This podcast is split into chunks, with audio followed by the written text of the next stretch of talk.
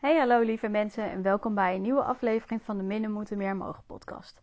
Afgelopen maandag was het uh, Women's Day. En ik heb daar niks uh, mee gedaan, bewust. Omdat ik, uh, ja, ondanks dat ik me natuurlijk richt op vrouwen. En waarom heb ik dat niet gedaan? Omdat, ehm, nou ja, ik heb, ik heb al een tijdje dat ik, dat ik Bibian Mental een enorme grote inspiratiebron vind. En uh, ik zie gewoon dat uh, Bibian niet zulke dagen of vrouwenquota's nodig heeft. Maar uh, zij eigenlijk gewoon doet wat ze wil. Geen kanker, geen man, helemaal niets houdt, houdt er tegen. Bibian doet dat gewoon. Naast Bibian, die voor mij dus een enorme inspiratiebron is, hou ik ook niet van hokjes en labels. En dat is voor mij Women's Day toch wel.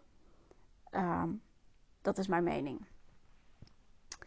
Um, ik vind dat we het niet nodig hebben en dat we eigenlijk ons kleiner maken dan nodig is. En dat vind ik echt zonde. Um, mannen hebben het ook niet nodig. En dan kun je wel zeggen, ja, maar die um, hebben al een hele lange, een leven lange privileges, of hoe je het ook wil noemen. Ja, maar je kunt er wel naar kijken met, met net zoals Bibian, met een inspiratie. Maar wat doen mannen om dat voor elkaar te krijgen? Ik noem maar een, uh, een Elon Musk. Die, uh, die eigenlijk al, nou ik denk ruim 15 jaar belachelijk wordt gemaakt door iedereen gekleineerd. Met zijn elektrische auto, die Tesla. Wat een stom iets. Die wordt net zo goed eigenlijk door heel veel, heel veel mensen ook belachelijk gemaakt. En elk smetje wat hij verkeerd doet, dat wordt groots uitgemeten. En moet je zien, is wat een domme agheid. Maar Elon Musk heeft een drive en die heeft een eigen wijsheid. En je kunt, nou ja, de laatste 4, 5 jaar zien wat dat heeft opgeleverd. Ondertussen zie ik ontzettend veel auto's rijden. En er komen er steeds meer.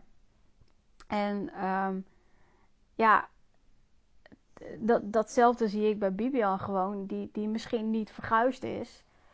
Um, maar uh, wel een drive en een eigen wijsheid bij zich heeft. Die ervoor zorgt dat er dus een uh, stichting is die heel succesvol is. Dat zij uh, de Paralympics heeft gewonnen met snowboarden en ook de normale. Dat zij een dansprogramma heeft gewonnen bij RTL, terwijl ze vol met kanker zat. Um, kijk, weet je, als ik naar iemand kijk, dan zie ik een mens. En dan ben ik onwijs nieuwsgierig wie die persoon is. En dan maakt het me heel weinig uit of dat een man of een vrouw, een hetero of een homo of een donker persoon of een Chinees of een blank persoon is. Um, het maakt me niet uit. Kijk, en als het zo nodig uh, is, dan beoordeel ik iemand op dezelfde manier. Um, ja, iedereen eh, die, die, die, die iets doet wat, waar, wat volgens mijn normen niet uh, passend is, uh, die beoordeel ik daarnaar. En um, ik probeer het zo weinig mogelijk. Maar bijvoorbeeld als je hard rijdt en belachelijke dingen doet, dan maakt het me dus niet uit of dat een man of een vrouw, een Marokkaan, een Belg, een Duitser is. Het is gewoon fout. En hetzelfde geldt voor criminele activiteiten. Of iemand komt solliciteren, dan maakt het me niet uit of die persoon een vrouw is of een man is, een donker of een licht uh, persoon is. Um, de beste mag de functie hebben. Ik zou niet willen beoordeeld worden op um, dat ik een vrouw ben. Nee, ik wil beoordeeld worden op uh, of ik het aan kan wat er gevraagd wordt. Um, en in die zin zou ik het wel goed vinden als het en-en is. Dat ik en een vrouw ben en um, dat goed aan kan. En dat het, um, ja, dat we daar, maar nog steeds wil ik dan dat we gewoon niet meer naar dat labeltje wat we toevallig voor elkaar hebben verzonnen en daarnaar kijken. Dat is misschien mijn ideale wereldbeeld hoor. Maar goed, um, ik ben dus niet zo van de labeltjes en hokjes. En toch zie ik de laatste twee jaar dat heel veel mensen heel fanatiek iedereen in, in, in hokjes aan het stoppen is.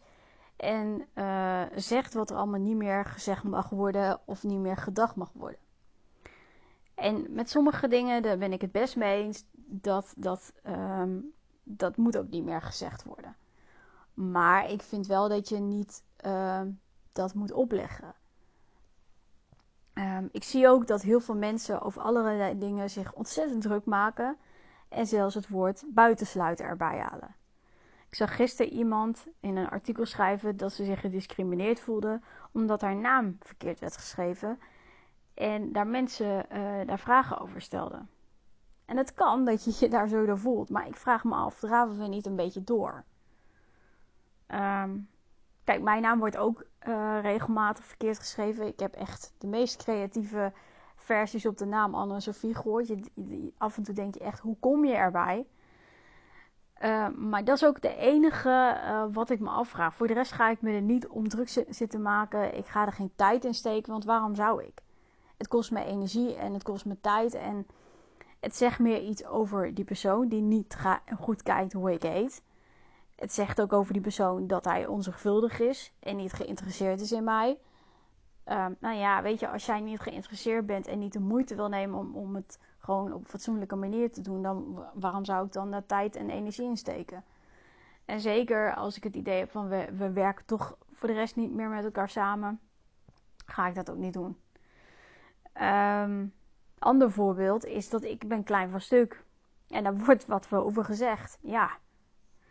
Maar ik ben inmiddels zover, ja nou en. Ik bedoel, ik val blijkbaar op. Good for me. Nou, dan weet ik één zeker. Ze vergeten mij niet.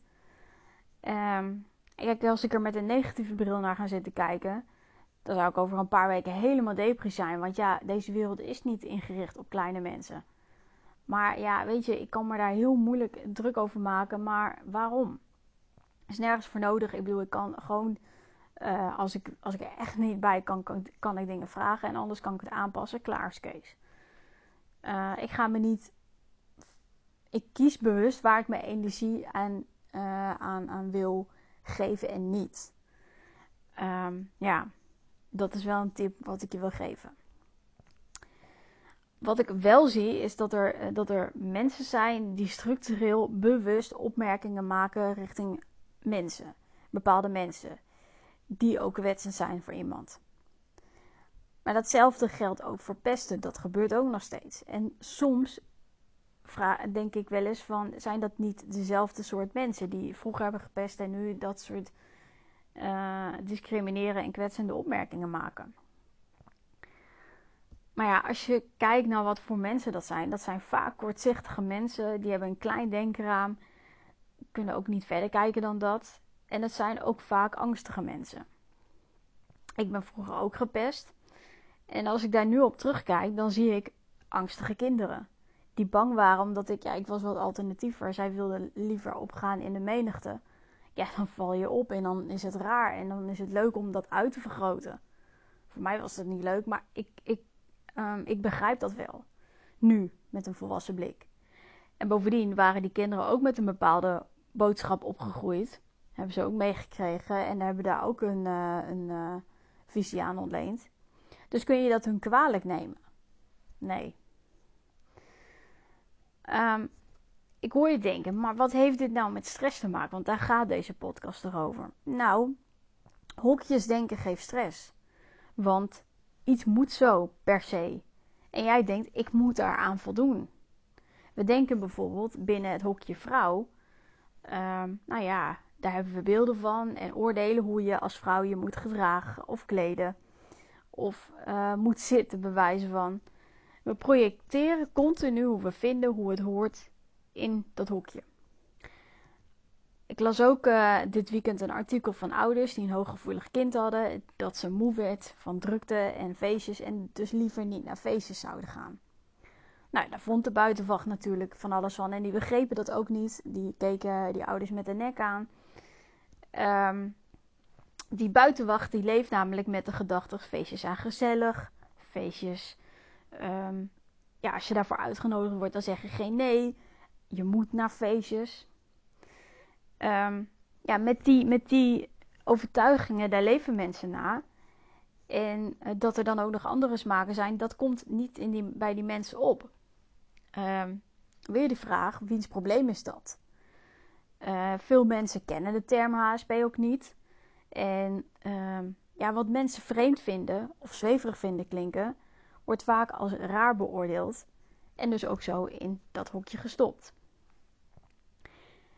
En als we eenmaal met z'n allen besloten hebben dat uh, um, ja, HSP iets zweverigs is en iets raar is, en dus dat in dat hokje uh, gaan, gaan stoppen, dan doen we geen moeite ervoor om het te begrijpen wat iemand nodig heeft, hoe iemands wereld in elkaar zit. Nee, het is raar. Punt. Wat is dan het recept om dat hokjesdenken te stoppen? Um, daarmee discriminatie tegen te gaan. Daarmee misschien wel, um, nou ja, als je tegen seksisme bent, als je dat, dat, dat iets vindt, nou, daar, dat tegen te gaan. Pesten is ook iets wat, wat je kunt tegenstaan. Het is eigenlijk heel simpel om ook um, niet een vrouwendag of een quota nodig te hebben. En dat is stoppen met te kijken naar de buitenkant maar voelen wat er aan de binnenkant is, zonder oordeel, zonder veroordeling. Eh, want als je zonder vooroordeel of zonder oordeel kunt kijken en gewoon uh, iedereen behandelt met respect en um, ja, diversiteit uh, kunt on, on, omarmen in alle soorten en maten, um, dan kun je ook ieder mens um, zien als dat, dat hij ook andere wensen en gedachten heeft. En dan vallen die hokjes vanzelf al weg. En wat ook helpt, is dat je jezelf niet in een hokje plaatst en ziet, want dan voel je je ook niet gekwetst of gediscrimineerd. En dan voel je ook niet die stress om te voldoen aan dat hokje, want die hokjes bestaan voor jou niet. En doordat die hokjes niet bestaan, en ik denk dat, hok, dat, dat uh, Bibian ook niet die hokjes voelt, kun je dus doen wat Bibian bijvoorbeeld doet. Of kun je doen wat Elon Musk doet. Groots denken. Gewoon het doen. Um, niet bang zijn. Um, kijk, zie jezelf als een uniek persoon en als dat jij het bent en dat jij handelt en bent zoals je bent.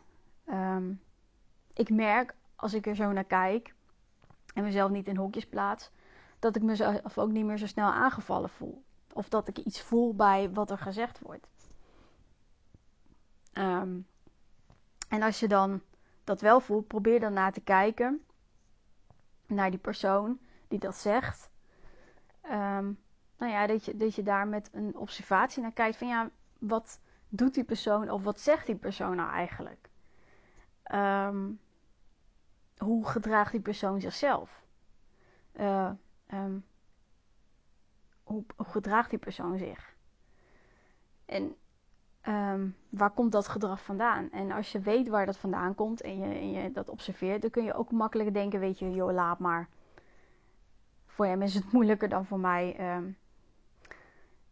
Uh, kijk, weet je, dat, dat, dat is ook wel iets, dit van een afstandje bekijken en, en iemand volgen in zijn gedrag. Dat is niet iets van je, wat je vandaag op morgen leert. Dat heb ik ook mezelf aan moeten leren en dat kost tijd. Maar als je erin oefent, dan zul je merken dat, dat, dat je je veel, wel minder aantrekt van dat soort mensen. En als je ook daarbij bedenkt dat iemand geconditioneerd is over bepaalde dingen, bijvoorbeeld hoe we naar vrouwen kijken, die conditionering die ram je er ook niet uit. Zeker niet als iemand zich daar niet helemaal bewust van is. Terug naar van um, het hokjesdenken stoppen. Als dat stopt, wat blijft er dan over? Nou ja, eigenlijk is het heel, een, een, een heel mooi iets. Wat misschien wel niet. Wat eigenlijk misschien wel uh, niet na te streven is. Maar stel. Stel dat we in, uh, stoppen met hokjesdenken. Weet je, dan is het. Dan, dan, dan is het gewoon dat we uh, elkaar allemaal van man tot vrouw, van donker tot licht, respect voor elkaar hebben. En dat betekent dat we ook naar elkaar luisteren, elkaars grenzen en regels accepteren, ego's los laten, loslaten, um, de ruimte geven aan elkaar en voor elkaar en elkaar ook echt zien. En dan, als je dat kunt, dan, heb je, dan, dan kun je net zoals wat ik eigenlijk in het begin al zei, um, elkaar zien zoals we, zoals we zijn. En zonder dat je kijkt naar van wat zit er aan de buitenkant. Um, dat kun je ook leren aan je kinderen en juist daar begint het mee. Ehm, daar moet het iets vanzelfsprekends worden. Bedoel, je kunt niet verwachten dat elke generatie die daarmee opgegroeid met bepaalde, met bepaalde conditionering is opgegroeid, dat zomaar even verandert. Zeker niet als ze daar zich bewust van zijn. En ik snap dat het niet tof, dat het niet tof is wat er gezegd wordt, maar je kunt mensen helaas niet dwingen. Um, zoals ik al zei, Bibian Mentel die denkt niet in hokjes of quota's of vrouwendagen. en ik denk ook niet dat zij zich daar iets van aantrekt. Echt niet. Ik denk dat zelfs dat zij uh, zoiets heeft van uh, je zoekt het maar uit met je hokje, ik doe het gewoon. Um, Bibian die heeft gewoon een succesvolle stichting opgezet. Ze wint dus die tv-dansprogramma terwijl ze doodziek is. En um, ze wint alles wat er maar te winnen valt. En misschien heeft ze nog wel heel veel meer gedaan, wat wij niet weten. Um, die drive en die eigen wijsheid, dat vind ik ongelooflijk inspirerend. En ja, ik, ik wil je uitnodigen je daar ook door te laten inspireren. Die drive ook op te zoeken. En ja, um, er, ja dat, dat, dat ook in je te laten opkomen. En ga er dan voor. Want wat deze vrouw kan, dat kan jij net zo goed. Zonder quota, zonder vrouwendag of wat dan ook. En daar wil ik deze aflevering dan ook graag mee afsluiten. Bedankt voor het luisteren en tot de volgende.